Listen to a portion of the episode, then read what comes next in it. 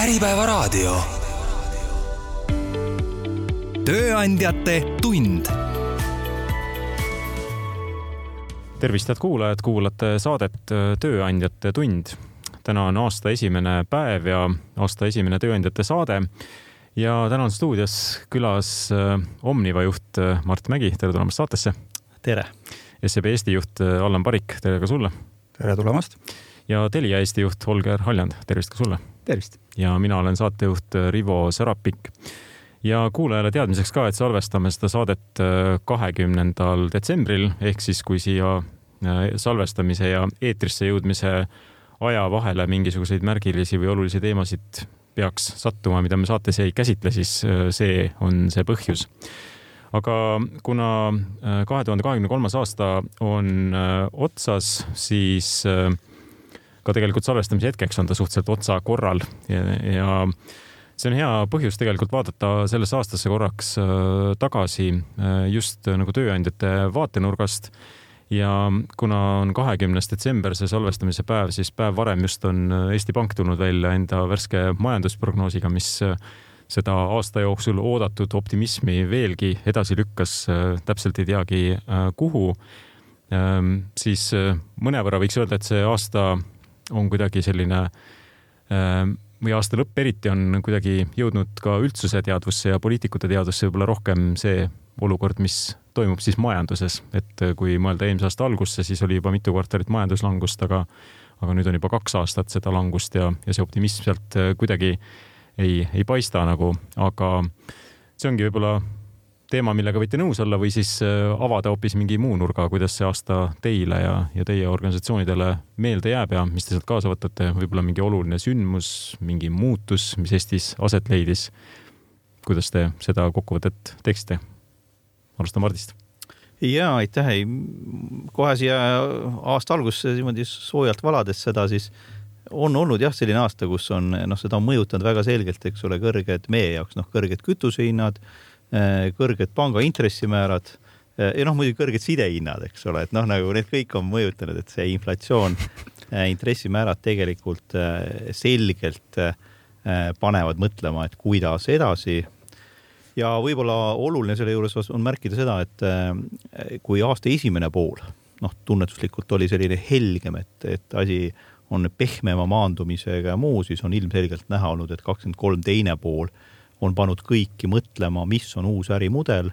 äh, milliseid suuri kärpeid peab tegema, ehk tegelikult noh, nagu me räägime, kui riik räägib nulleelarvest, siis tegelikult äriettevõtted samamoodi natukene on olukorras, kus peavad mõtlema nulleelarvetest. aga võib-olla üks märksõna, mida tahaks tuua kõigepealt siia lauda, eel, noh, kahekümne kolmandast aastast kahekümne neljandasse, ma arvan, et kahekümne kolmandal aastal üks suur sündmus või noh, seda ei saa öelda ühena sündmusena aga on üks asi, mis on mõjutanud meid äh, pikaajaliselt ja hakkab mõjutama pikaajaliselt. ja see ei ole kliimamuutus, ma pean tõdema, et kliimamuutus on, on juba sees, eks ole, sellega me tegeleme, aga ilmselgelt on kahekümne kolmandal aastal oli esimest korda tunda, et ettevõtjad võtavad tõsiselt ai kasutuselevõttu. nüüd olukorras, kus me oleme tegelikult äh, ja meil on vaja tagasi saada efektiivsus siis on ilmselgelt näha, et kõik otsivad lahendust andmetes ja tegelikult ai kasutuselevõtus, äh, millest on palju räägitud ja võib-olla liigagi palju. aga on näha, et noh, asi on tõsiselt muutumas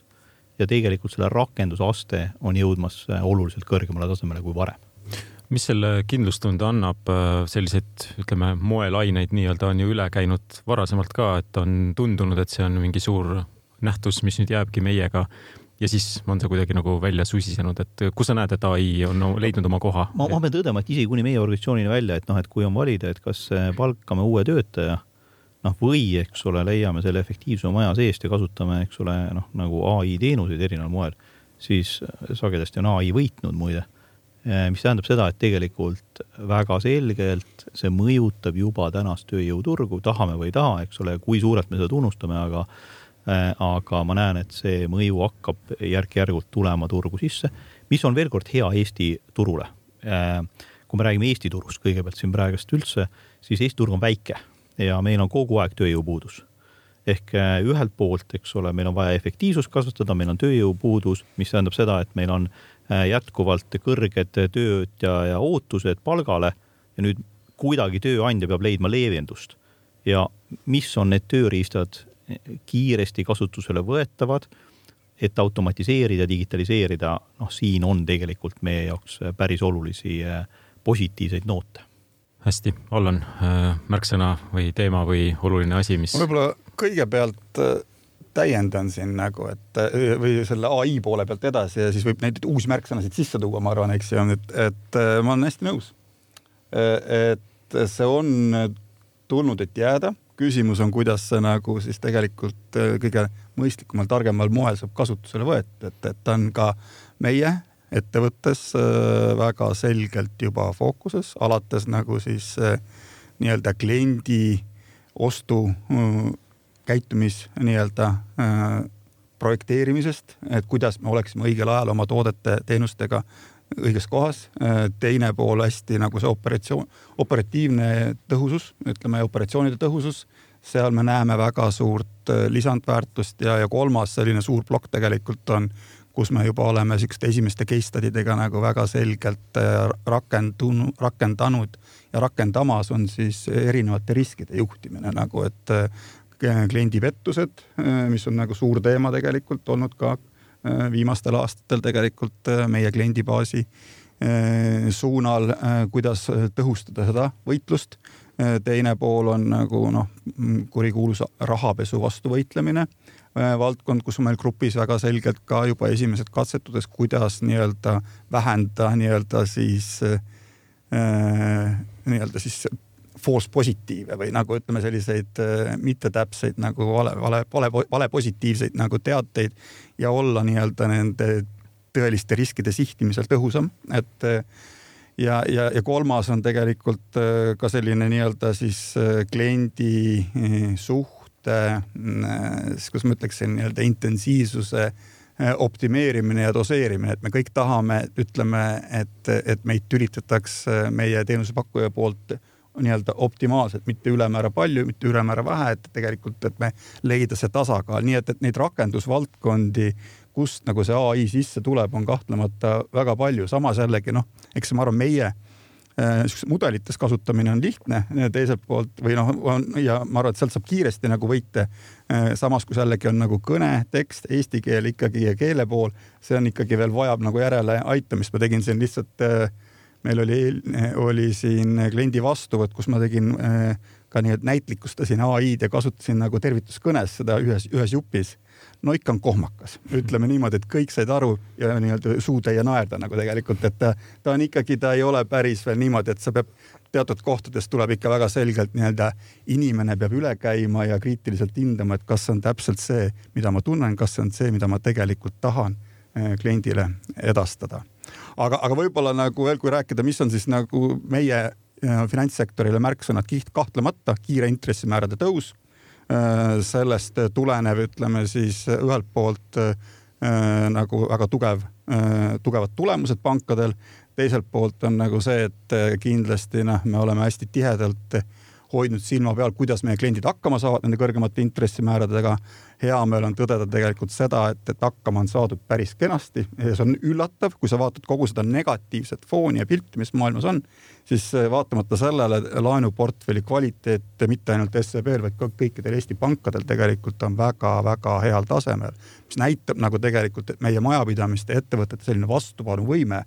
ja kohanemisvõime on tegelikult väga tugev, mis on nagu kindlasti kindlasti positiivne. Ja noh, muidugi, muidugi me ei saa üle ega ümber kogu sellest geopoliitilisest mäsust ja, ja, ja nendest riskidest, eks ja noh, et ühe sõja asemel on kaks või isegi nagu rohkem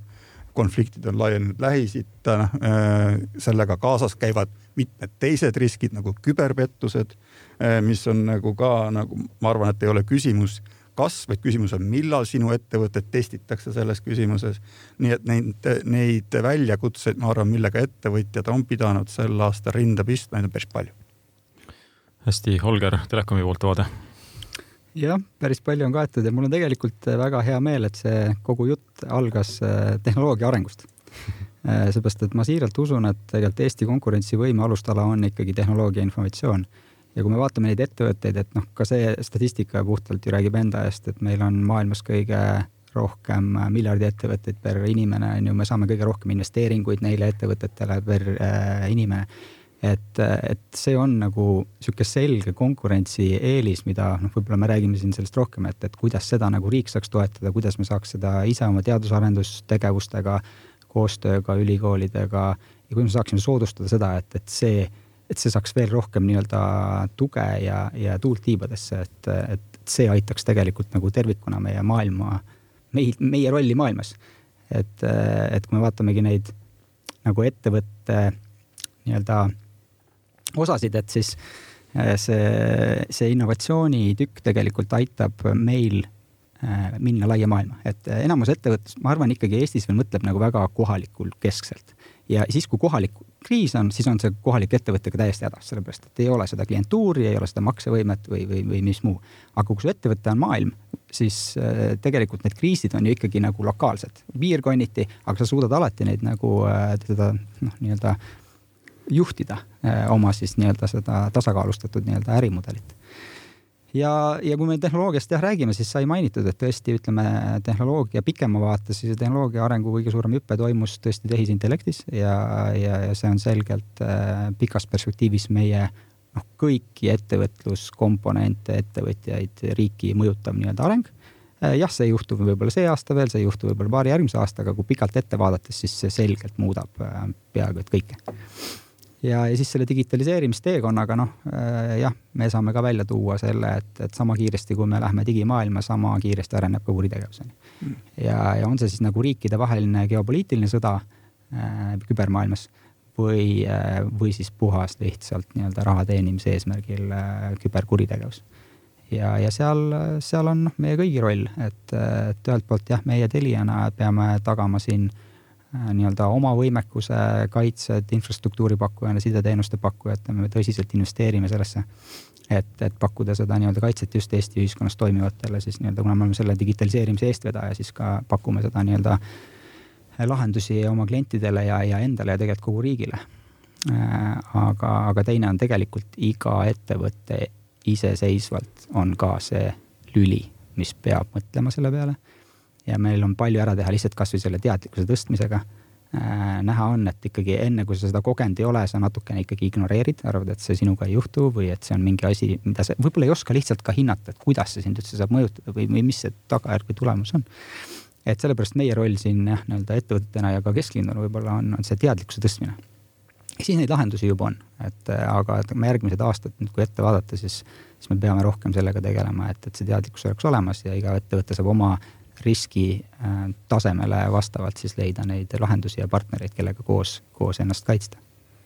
ma olen, ma olen nagu selles osas hästi Olgeriga nõus, et, et, et siin peab äh,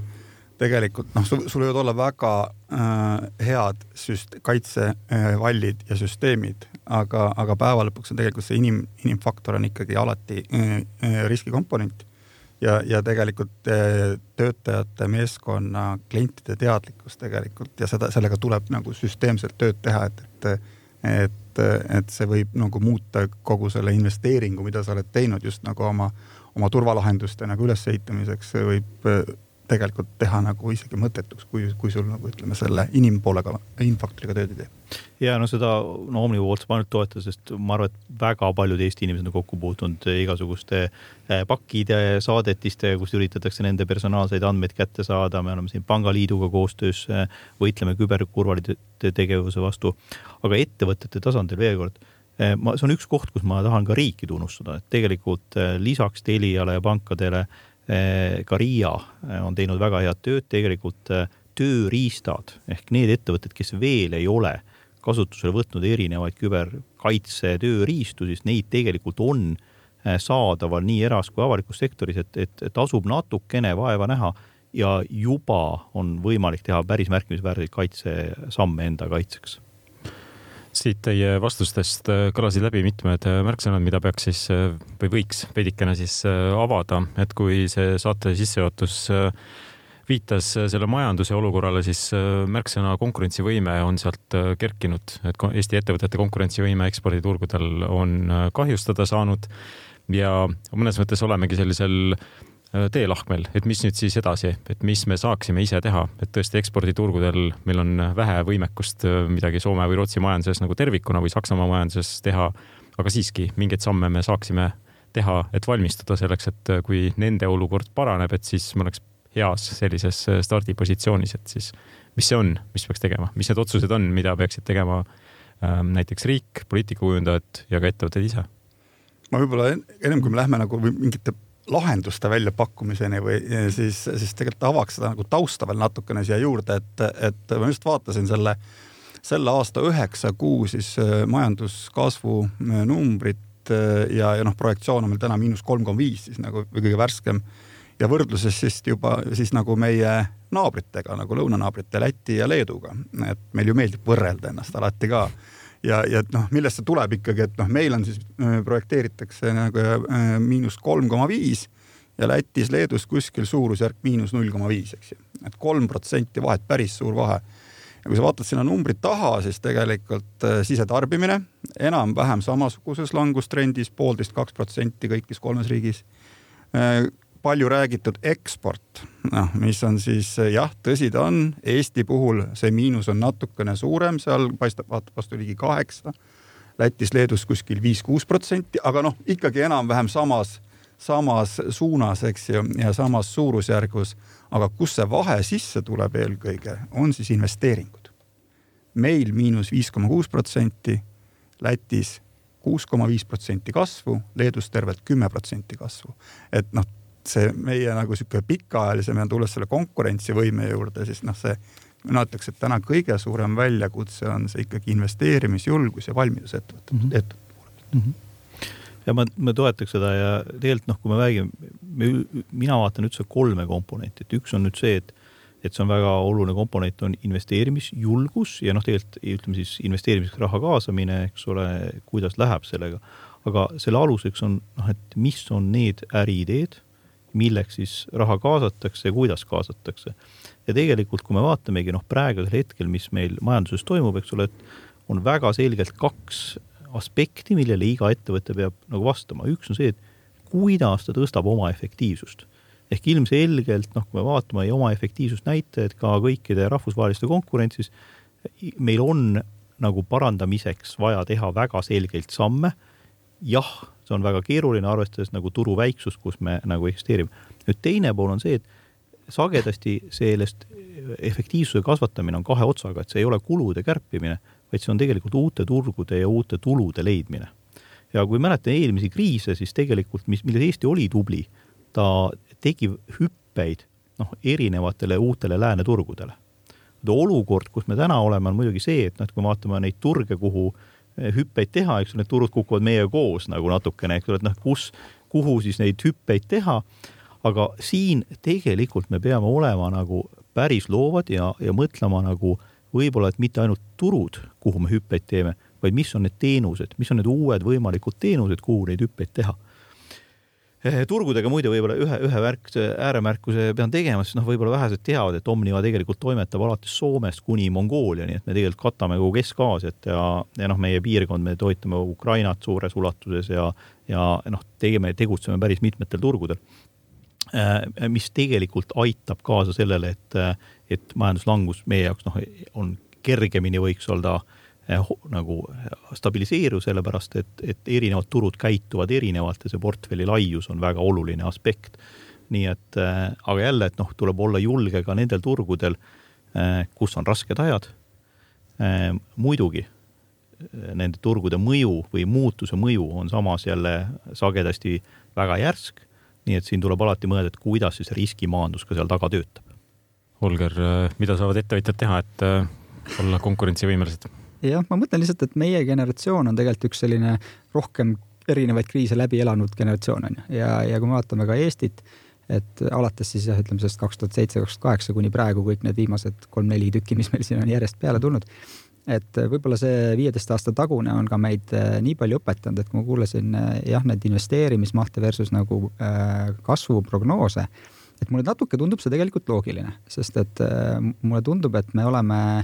see generatsioon, kes ikkagi, kui läheb hästi, siis me investeerime. ja, ja võib-olla seal oleks seda julgust rohkem vaja ja seal oleks seda katsetamist rohkem vaja.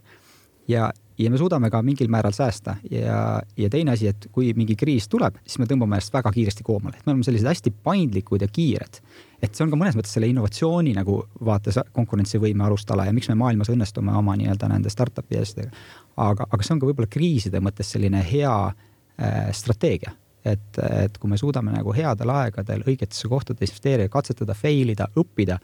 ja siis suudame raskel ajal kiirelt kokku tõmmata ka investeeringuid, aga eelkõige siis nagu jooksvaid kulusid, võib-olla ongi kaovad mingid turud ära.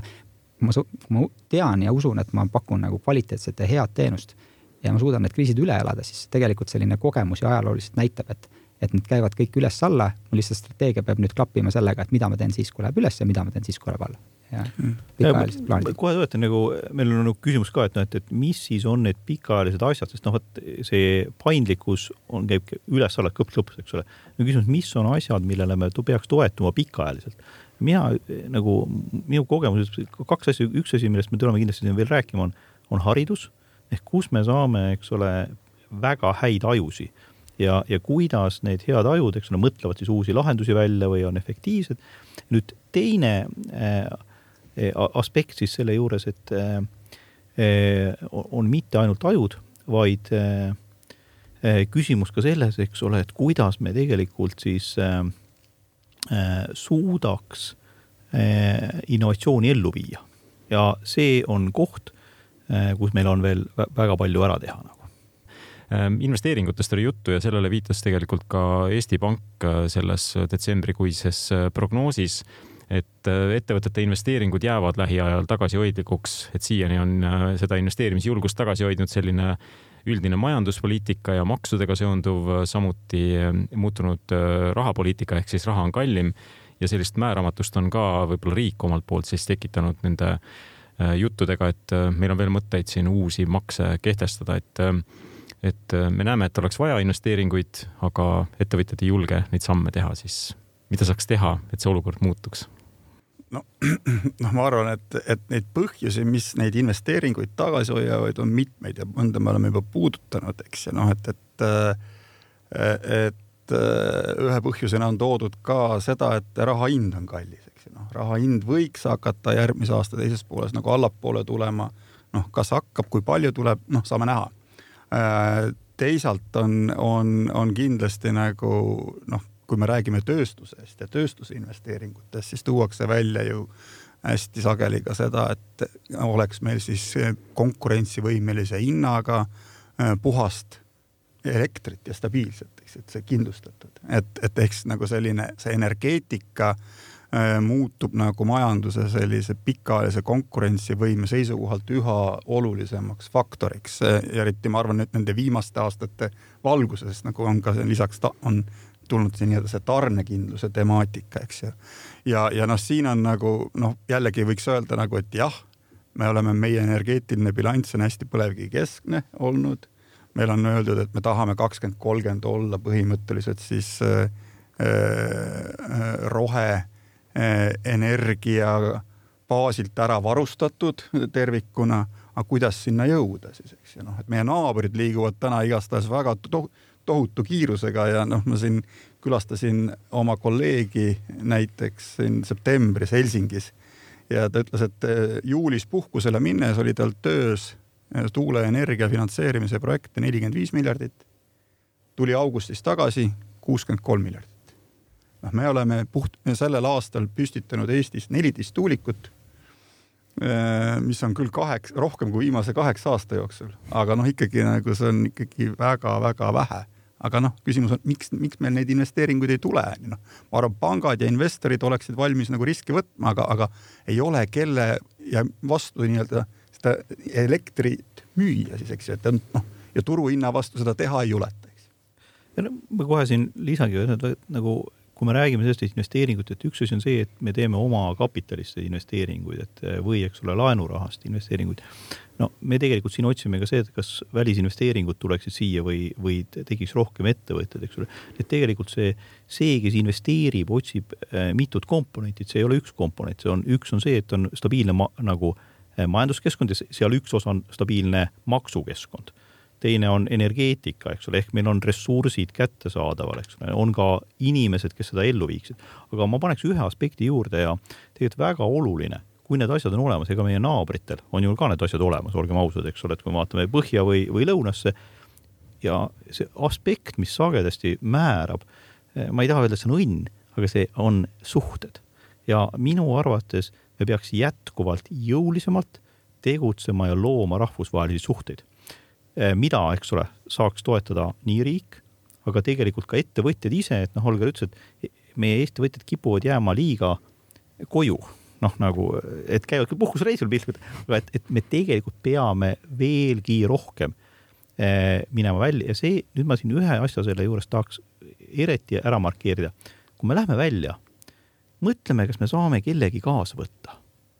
et mitte ei lähe mina üksi, aga minu tarneahelas on veel nagu siin Eestis töötavaid ettevõtteid ja kas saaks koos välja minna nii, et tegelikult sellest tekiks mingi klaster rohkem. selles tegelikult on väga suur võte, sest kui me vaatame kõiki teiste riikide konkurentsivõimet, siis need kujunevad ümber teatud majandusklastrite ja selle klastri omavaheline toetamine on sama suur ja oluline, kui on riiklik toetus selle noh, klastrisse investeeringute meelitamisel. tahtsin jagada nagu ma arvan, et see eestlase koos, koos, koostöövõime omavahel, see kindlasti vajaks nagu julgustamist ja kaasa, kaasaaitamist. see paraneb vaikselt startup idega, aga. me tegime, me tegime, me tegime just, meil on hea näide, meil on kasvuprogramm, mida me siis pakume oma, oma ettevõtetest klientidele, nendele, kes siis, kellel on siis kasvuambitsioon ja mitte kasvada kümme protsenti, vaid kasvada kümme korda et noh, meil on, on, kutsume ettevõtteid sinna programmi osalema ja katsume siis nii-öelda nõu-jõuga neid kaasa aidata, kuidas siis ja sellel aastal siis esimest korda me nagu äh, äh, mitte ei lasknud neil ettevõtetel lahendada nii-öelda seda väljakutset, mida nad näevad enda ees omakeskis, vaid tegelikult moodustasime ettevõtted ja sektorite ülesed nagu meeskonnatiimid, kellel olid sarnased probleemid et nad lahendaksid seda koos ja see tagasiside oli ääretult positiivne tegelikult, et noh, et, et see, see nagu avardab nagu tegelikult ka nende enda, nende ettevõtete vaateid, kuidas võiks üht või teist väljakutset lahendada. meil sama hea näide, Qd ja Woolish, eks ole, pakendid eh, samamoodi, me oleme toonud nad inimesteni, eks ole, aidanud neil teadvustada neid kui, eks ole, pakendiringluse teemad, et need on startup'id, eks ole, ja, ja koos teeme siin ja koos me turundame neid ka väljapoole Eestit, eks ole, nii et see on see oluline asi, et me nagu noh, toetame rohkem üksteist. Holger jah, ma mõtlen, et äh, mulle meeldib alati mõelda niimoodi, et, et vaataks, mis täna töötab, äh, mis tegelikult toob neid investeeringuid Eestisse, mis meid viib maailma ja, ja arendaks seda edasi, panustaks sinna rohkem. Ja siin noh, tulevad jah, meie nii-öelda need äh, kiirelt kasvavad ettevõtted, kiirelt suurtel turgudel minevad ettevõtted, mis saavad ka kõige rohkem investeeringuid, nagu mainisin, nagu per inimene nagu Eestisse. Et prooviks nagu seda ökosüsteemi toetada ka riigi tasandil. Ja, ja seda just, ma arvan, läbi sellise teadus-arendustegevuse ja, ja koostöö ülikoolidega, et praegu natukene võib-olla seal on selline eraldatus, et meil tegelikult teeme ju väga palju sellist head nagu riigi tasemel innovatsiooni oma nendes nagu äh, teadus äh, nii-öelda ettevõtetes, ülikoolides. Ja, ja, ja kuidas nüüd sellele anda väljund, et selle peale saaks ehitada ettevõtteid, kaasata välismaalt investeeringuid, teha tõesti koostööd siis kas olemasolevate ettevõtetega, pakkuda neile seda nii-öelda innovatsiooni väljundina, luua uusi ettevõtteid teha rahvusvahelist partnerlust ja, ja seda tõesti ökosüsteemi nagu boost ida, sest see on ka nagu tulevikukindel, sest sealt kõik, mis tuleb, on mõnes mõttes nagu äh, tulevikukindel on ju, ta on juba tänapäevasel tehnoloogial äh,. samas kasutades ära meie sellist väiksust, kiirust, paindlikkust ja, ja turuks on maailm, et see tundub nagu selline nagu hea retsept nagu võidu, võiduretsept või õnnestumise nagu retsept ja, ja panustaks äh, sinna rohkem ja siis see... rakendusuuringute keskus võib-olla aitab seda lõhet ühendada, jah. aga et, et, et panna sinna täitsa eraldi. Ja siis loomulikult haridus oli väga õige nagu ka märksõna, et, et kuidas me ikkagi nagu toetame ka kogu, et see järelkasv, et, et kui meie täna need nii-öelda noh, investeeringud tulevadki siia tänu sellele, et meil on need tiimid ju, noh, eelkõige selle peale, et meil on need tiimid, jah, siis meil on see ärimudel, siis meil on see paindlikkus, meil on tehnoloogia, meil on võimalik kasvada aga, aga kuidas neid inimesi eh, veel nagu aidata just noorest peale, esiteks motiveerida, valida neid valdkondi, teiseks pakkuda kvaliteetset seda eh, haridust just siis selles uues tulevikukindlas tehnoloogias, inseneerias. Eh, et, et see oleks nagu popp, et see oleks, et see oleks nagu läbipaistev, et sealt tõesti tuleb see nagu kasv, sealt saab läbi selle mõjutada maailma, sealt saab parandada need kliimaprobleemid, sealt saab küberturvalisusega tegeleda, sealt saab maailma muuta, luua kogu see digi, digimaailm, et see tekib, et see oleks atraktiivne, et sinna, sinna tuleks rohkem inimesi ja seal oleks ka mingi selline hea süsteemne toetus nagu riigi poolt. Ja teadlikult, et, et me tõesti kõik usume, et see on, miks me ei võta seda siis nagu ette ja teekski ühis, ühisena ära siis nii-öelda erasektor, väga palju suuri ettevõtteid tuleks sinna taha ja tuleb sinna taha. Kogu meie ülikoolide võrgustik, riik ja looks sinna peale täiesti selline uue kasvulava siin ma kohe paneks muidugi õli ka nüüd kohe tulla, et üks nagu huvitav teema, mis on viimasel ajal tulnud lauda, kuna me oleme ikkagi äh, astunud suure sammu edasi just äh, rahvusvahelise suunas ja, ja noh, meie juhtkonna see ikkagi on, on ütleme, lätlased, leedukad ja töö käib inglise keeles, siis sagedasti me oleme juba valmis ja, ja ma soovitan ka ettevõtteid, otsige talente kaugemalt, eks ole, see ei ole ainult Eesti, talendid meil on täna, liiguvad vabalt. probleem muidugi siin tekib, eks ole, et kuidas me suudame siis äh, luua ühise noh, organisatsioonikultuuri ja kuidas me samal ajal hoiame Eesti kultuuriruumi Äh, ka eestikeelsena, eks ole, nii et, et siin on niisugused huvitavad sotsiaalsed aspektid, äh, mis kaasnevad muidugi, eks ole, globaliseerumisega, et me tahame ühtepidi suurt globaliseerumist, tahame majanduskasvu, teistpidi jälle äh, meil on mingid piirangud, mis natukene takistavad meid. et siin on ettevõtjatena meil palju tööd teha ja mõelda Äh, nii, et hoida kultuuriruumi, noh, SEB hoiab väga hästi, eks ole, toetades, eks ole, siis seda siis rahaliselt, aga samal ajal olles avatud rahvusvahelistele talentidele ja oluline noh, just nende meelitamine ka siis Eestisse, äh, kas siis virtuaalse ruumi kaudu, eks ole, või siis täitsa füüsilises. Mm..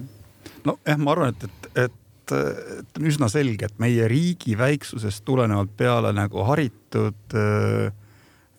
tööjõu ja inimeste meil peale atraktiivse nii-öelda investeerimis- ja majanduskeskkonna tegelikult midagi välisinvestorile ja kohalikule ettevõtjale tegelikult pakkuda ei ole, et see peab olema see, mis meie nagu selle majandust kasvukursil hoiab. et, et siin on nagu oluline jah, et, et mõlemad pooled tegelikult, nii ettevõtjad vaatavad peeglisse, teevad, mida nemad teha saavad, kui ka riik tegelikult, et oleks selline ikkagi ka nende poolt loodud selline pikem Äh, vaade ja kindlus, ütleme, et jah, kui me ütleme, et tuul on, tuul on oluline meile ja päike on oluline, et oleks ka oluline viie aasta pärast näiteks, et siis keegi midagi ümber ei, ümber ei otsusta ja et, et noh, ettevõtjad saaksid ja see oleks ka läbi erinevate meetmete tegelikult siis nagu majand, majanduse arenguprogrammi riigi poolt ka nagu sisse kirjutatud mingil määral, nii et, et noh, et, et see on selles nagu öeldakse, et it takes two to tango ja, ja, ja katsuks seda nagu dialoogi tegelikult ettevõtjate ja riigi vahel ikkagi ka parandada ja konstruktiivsemaks. mulle tundub natuke, et me oleme siin olnud natukene ka niimoodi siukses süüdistavas nagu ja see, noh, see ei vii edasi. aga kasutatakse seda kujundit, et äh, kutse siis tangole või kutse tantsule, siis äh, ütleme, et on selline lause, mille siis äh, te saate ise ära lõpetada, et kui majandusminister küsiks minult nõu, siis, et mis see üks nõuanne oleks, mis, mis talle täna anda kas oma organisatsiooni, oma valdkonna või, või laiemalt äh, tööandjate vaatest, äh, et see keskkond, äh, kus tegutseda ja, ja kuhu me investeeringuid ootame ja, ja kus ettevõtted siis ambitsioonikalt plaane ellu viiksid, kujuneks sellisena, et mis see nõuanne oleks, mis kaasa annaks? mina võin alustada veel kord, et jätkuvalt me oleme väike riik ja me soovime tegelikult, et me oleme konkurentsis teistest riikidest ju ees ja küsimus ongi, et kuidas seda konkurentsieelist tekitada. et äh, arvestades selles väiksuses, ma ütlen, et me ei pääse üle ja ümber eh, oma partneritest, oma, oma tegelikult eh, noh, ütleme siis teistest ettevõtetest ja, ja koostööpartneritest teistes riikides. minu selge soovitus on see, et et tegelikult meil võiks ja peaks olema väga ja oluliselt suurem fookus uute turgude avamisel, suhete parandamisel äh, rahvusvahelises maailmas, eriti läänemaailmas. ja näide minu arust noh, Jaapani eksport meil, Eesti ei ole seal, aga noh, kõik sellised üritused, olgem ausad, äh, need on väga olulised. Need, need suhted tekivad sellest täna, kui me vaatame, et kui äh, Dubais oli EXPO, kui mitu ettevõtet täna tegelikult tegutseb UAE-s, neid on väga palju Eesti ettevõtteid tänaseks hetkeks ja neid aina kasvab see, see hulk nii et, äh, et tegelikult luues ja parandades neid suhteid äh, ka kõrgemal poliitilisel tasandil ja avades uksi suurkorporatsioonide juures Eesti ettevõtete jaoks, eriti startup'ide jaoks, minu arust see on ääretult oluline teema. Holger Hallen. ja ma mõtlen võib-olla selliselt, et, et kui alustada, et noh, meie majandusminister ikkagi nagu meie Eesti on ju, et, et ja siis need ettevõtted, kes täna Eestis tegutsevad, et siis selline äh, esi-, esimese hooga tuleks eemaldada kõik piirangud nagu, et Eestis õnnestuda, on ju. et kuidas, et paneks, noh, mõtleks koos, kuidas lihtsustada Eesti ettevõtjate elu. see on muidu sektoriti väga erinev. ma tunnen mingit ühte valu, kindlasti teisi, et on sellised tegelikult kuulaks ettevõtjaid, et on mingid võib-olla ebamõistlikud piirangud, jah, on nagu regulatsioonidest ja asjadest välja kasvanud selline ökosüsteem, aga võib-olla täna, eriti sellises nagu raskes olukorras, tuleks nagu kõik barjäärid eemaldada. jah, tuleb üle hinnata need riskid, meil on tegelikult täiesti uus olukord. Äh, just täna oli vist või, või millal siis meie minister tegelikult just avaldas, et meil on mingid toetusmehhanismid, mis on nagu võib-olla enne kriise loodud. Äh, nüüd tegelikult uues olukorras väga julge samm, väga tänuväärt, eemaldame need, teeme lihtsamaks, et saaks, et neid kohti kaardistaks nüüd võimalikult palju, annaks selle võimaluse nii-öelda Eesti ettevõtjatele Eestis õnnestuda ja siis äh, teise sammuna oleks see, et kuidas toetada julgeid investeeringuid, et kuidas neid tegelikult riigi tasemel saaks toetada, selliseid strateegilisi investeeringuid vaataks koos. Riik tuleb appi, ettevõtjad, võtame koos seda riski, jagame seda õnnestumist ja, ja suuname just need ressursid äh, nendesse, kus on siis nagu ühelt, ühelt poolt siis riigisisese nii-öelda äh, elu parandamiseks, aga teiselt poolt siis just see, mis siis Mart mainis, et kuidas seda nii-öelda väljaminemist soodustavad investeeringud, et mis on need investeeringud, mis aitavad meil maailmapildis olla kaardis. tuleksin appi, teeks koos, teeks need meetmed selliseks, et need tõesti on suunatud ja, ja, ja efektiivsed ja, ja edukad tooksin siia veel sellise vaate nagu juurde, et, et riik, riik peaks vaatama ka, rahandusminister peaks vaatama ka nagu riiki nagu ettevõtet, eks ju, selles mõttes, et konkurentsis teiste riikidega. noh, et noh, me peaksimegi, kui me kujundame ja teeme mingisuguseid otsuseid, on need maksu äh, Äh, toetuste äh, teemalised äh, prioriteet,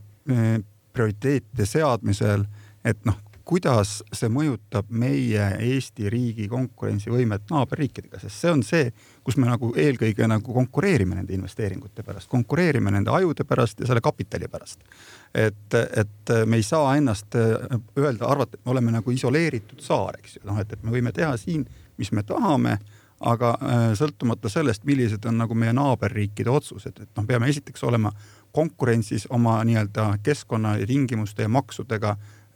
selles osas. Väga nõus sellega, et välisturgudele minemine, noh, me oleme niivõrd väike ma äh, avatud majandus, et, et see on ainukene võti tegelikult, et ega täna see äh, kuidas toetada, et me ei ole niivõrd sõltuvad ikkagi nagu väga headest turgudest, küll meie jaoks äh, Soome-Rootsi, eks ju, et, et aga, aga noh, täna nagu see lööb teatud sektorid väga valusalt, eks ju, ja noh, see investeeringutoetus tegelikult, et kapitalimahukad äh, ja strateegilised investeeringud tuleksid siia. Tööstusenergeetika, et juletaks neid teha, sest et nagu me ütlesime, see on nagu puhas energia, stabiilne energia on, on oluline sisend, ütleme muule majandusele, aga seda pole ka vaja, kui meil pole seda tööstust, eks ju, nii et, et noh, selles mõttes julgemaid valikuid tegelikult. ma ühe aspekti tooks veel sisse, et minu jaoks nagu noh, ei saagi võib-olla esitada ju soovi ühele ministrile, et tegelikult ja. meie jaoks on ikkagi väga oluline, et ministrid töötaksid omavahel koos.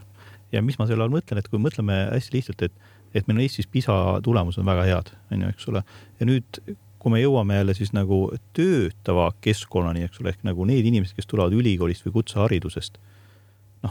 kusagil tekib mingi nagu distributsioon, et noh, et ei ole nagu saada mingites sektorites häid tööjõudu, sõltumata, et meil on väga tugev nagu baasharidus. ehk nagu see koostöö, mis sektorid, pikem plaan, et kuidas siis, eks ole, kuhu arenevad ja kuidas seda vahekihti, eks ole, et kuidas siis nii kutsehariduse või kõrgharidusega me täidame. Ja see on koostöö erinevate ministeeriumite, ministrite ja eks ole, muidugi noh, meil, eks ole, tööandjatena väga suur roll selles kaasa rääkida, et, ma sellepärast ütlengi, et, et seda peaks vaatama kompleksselt ja muidugi eriti tuvastama need noh, asjad, mis vahelt on mingil põhjusel siis jäänud välja või neid, eks ole, ei ole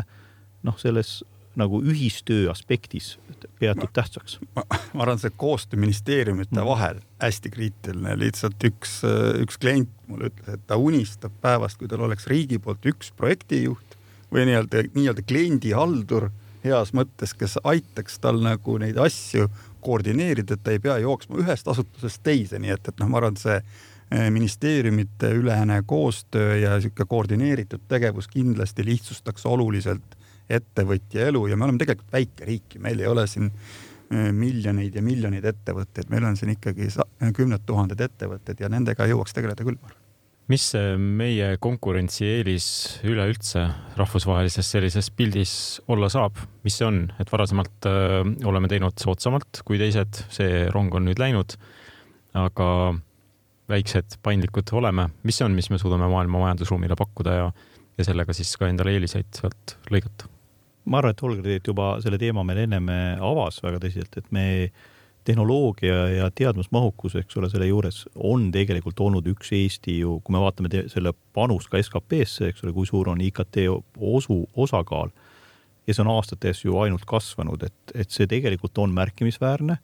ja, ja kindlasti me peaks seda kurssi jätkama. Äh, selle jätkamine iga aastat muutub raskemaks sellepärast et noh, kopeerida on lihtne, mis on tehtud eh, ja, ja noh, küsimus ongi, et mis on siin, eks ole, uue ja järgmise põlvkonna sammud. see probleem, noh, mina olen korduvalt nagu osundanud ka tähelepanu selle, et, et me peaks astuma just nagu andmepõhisele nagu maailmale lähemale et me tegelikult oleme olnud ehitanud infrastruktuuri ja meil on väga hea nagu infoliiklus, eks ole, piltlikult struktuurimis, aga andmepõhisust ja andmepõhist noh, nagu siis äh, teadmusmahukuse kasutamist, eks ole, ehk siis nagu piltlikult oma ai-de loomist ja kõike muud. siin on meil veel, ma arvan, et oluline samm astuda ja me peame kiirustama, kui me tahame olla ees. jah, ja ma võib-olla ehitaks sinna peale jah seda, et võib-olla ongi, et need investeeringusuunad rasketel aegadel on eraettevõttes ja riigis natuke erinevad, on ju, ja peakski olema, et et need kohad, kuhu võib-olla erasektor rasketel aegadel investeerida ei saa äh,, nendesse peakski siis nii-öelda riik investeerima, et et tekiks selline järjepidevus. et ja üks nendest valdkondadest on kindlasti see nii-öelda teadus-arendustegevus, ma arvan, et et äh, erinevates valdkondades, et me võiksime valida siis mõned suunad, on ju, et kas me arendame seda geenitehnoloogiat, arendame äh, võib-olla keskkonna hoidvaid asju, on siin akutehnoloogiat, võib-olla mingid äh, midagi veel, et, et, et valiks need suunad selgelt ära ja, ja koostöös siis ettevõtjatega